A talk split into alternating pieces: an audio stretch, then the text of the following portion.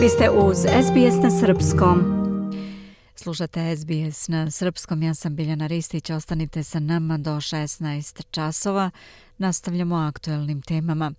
U sedištu Ujedinjenih nacija u Njujorku održana je sednica Saveta bezbednosti na kojoj se raspravljalo o šestomesečnom izveštaju UNMIKA o Kosovu i Metohiji u periodu od 19. marta do 18. septembra ove godine.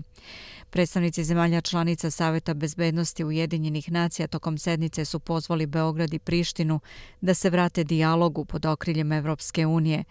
Predstavnik Kine rekao je da ta zemlja podržava Beograd i Prištinu u postizanju obostrano prihvatljivog rešenja u okviru rezolucije 1244 Saveta bezbednosti, a kroz dijalog i konsultacije i naglasio da bi u tom procesu trebalo u potpunosti da se poštuju suverenitet, nezavisnost i teritorijalni integritet Srbije.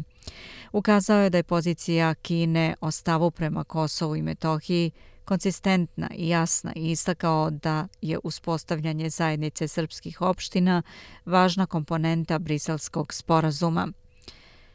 Američki predstavnik ponovio je posvećenost Sjedinjenih država održavanju stabilnosti na Zapadnom Balkanu i poručio da Sjedinjene države snažno osuđuju nasilje koje su, kako je naveo, izveli naoružani napadači 24. septembra na severu Kosova i Metohije. Ocenio je da je napad 24. septembra otkrio direktnu pretnju po bezbednost kosovskih građana i ugrozio osoblje NATO i Evropske unije i zatražio punu odgovornost izvršilaca u skladu sa vladavinom prava. Predstavnik Sjedinjenih država je rekao da pojedinci treba da budu izručeni ili krivično gonjeni. Stalni predstavnik Rusije pri Ujedinjenim nacijama Vasilij Nebeznja poručio je da je situacija na terenu pogoršana. Razlog je, kao i uvek, pokušaj prištinskih vlasti da uspostave punu kontrolu nad Srbima na severu. Prema rečima Nebenzija, incident na severu u Banjskoj je preterano, ne čekajući rezultate istrage, nazvan užasnim terorističkim napadom. Rad UNMIKA je i dalje potreban, smatra Nebenzija. Šefica misije Ujedinjenih nacija na Kosovu, Karolin Zijade, u svom izlaganju se fokusirala na nedavno nasilje u Banjskoj, u kojem su poginuli jedan kosovski policajac i troj lokalnih Srba. Od suštinske važnosti da istraga koja je u toku utvrdi činjenice i koje je odgovoran događaj od 24. septembra dodatno su pogoršali već lošu bezbednostnu situaciju. U nedeljama pred 24. septembra političke i bezbednostne tenzije su stalno rasle i uočen je nedostatak napretka u dijalogu pod okriljem Evropske unije, rekla je Zijade. Šefica Unmika je istakla da su lideri sa obe strane razmenjivali zapaljive optužbe u javnosti i da se od političkih aktera očekuje da se konstruktivno angažuju u dijalogu. Neuspeh političkog kompromisa će i dalje uticati na pogoršanje života običnih ljudi, rekla je Zijade. Redko govorimo o tome šta će se desiti ako se ne postigne dogovor. To će koštati sve zajednice i srpsku i albansku i druge u regionu. Tenzije, izolacija i nepoverenje u političke lidere prete da uruše sve što je do sada postignuto u dijalogu, rekla je Zijade. Predstavnice Srbije i Kosova na Brnabić i Vjosa Osmani iznale su teške i opričane navode o nedavnim događajima u Banjskoj i bezbednostnoj situaciji na Kosovu.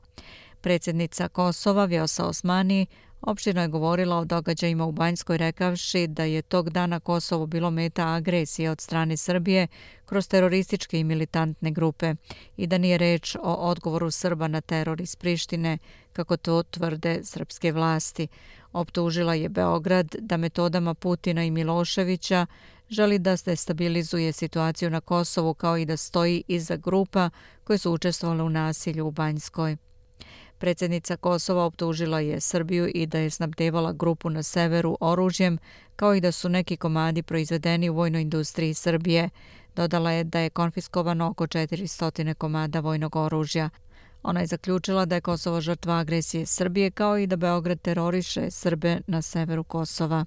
Mi želimo mirne razgovore, a oni su se opredelili za silu. Srbija želi rata, mi to nećemo dozvoliti jer demokratija i mir uvek prevladaju, zaključila je Osmani. Premijerka Srbije je za razliku od šefice UNMIKA i kosovske predsjednice veoma mali deo svog dugog govora posvetila događajima u Banjskoj. Ona je istakla da srpske snage nemaju nikakve veze sa ovim događajem i da je nasilje posljedica vladavine straha i terora od strane Prištine nad Srbima.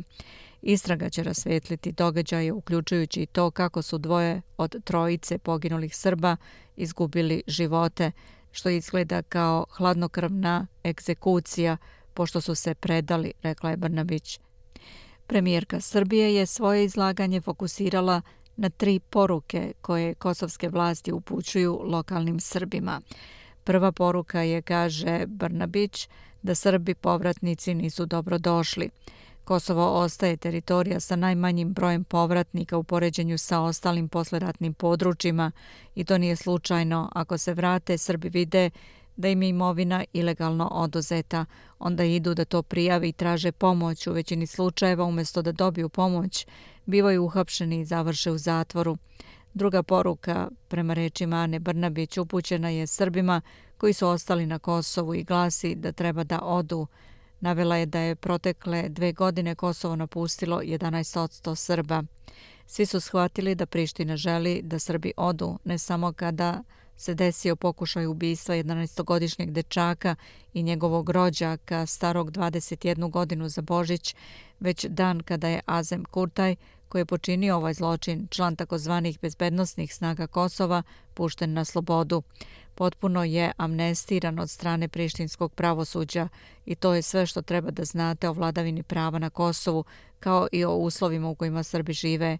Treća poruka je upućena i Srbima i međunarodnoj zajednici i glasi da Priština ne želi da primeni dogovoreno iz dosadašnjih sporazuma, kaže Brnabić i posebno ističe to što nije formirana zajednica srpskih opština.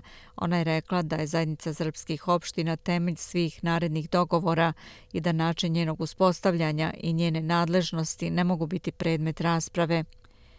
Iako se prethodnih nedelja spekulisalo da će sednica Saveta bezbednosti biti zatvorena za javnost, to se ipak nije dogodilo. O mogućem zatvaranju sednice govorilo se zbog navodnih primetbi koje je generalni sekretar Ujedinjenih nacija Antonio Guterres imao na prethodnu sednicu održanu u aprilu kada je došlo do razmene oštrih reči između šefa srpske diplomatije Ivice Dačića i predstavnika institucija u Prištini.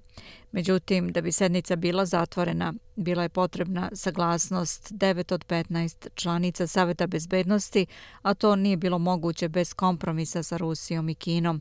Inače, od 15 članica Saveta bezbednosti, pet ne priznaje jednostrano proglašenu nezavisnost Kosova. To su Rusija, Kina, Ekvador, Mozambik i Brazil kao predsjedavajući Saveta bezbednosti. Slušate SBS. Ja sam Biljana Ristić. Želite da čujete još priča poput ove? Slušajte nas na Apple Podcast, Google Podcast, Spotify ili odakle god slušate podcast.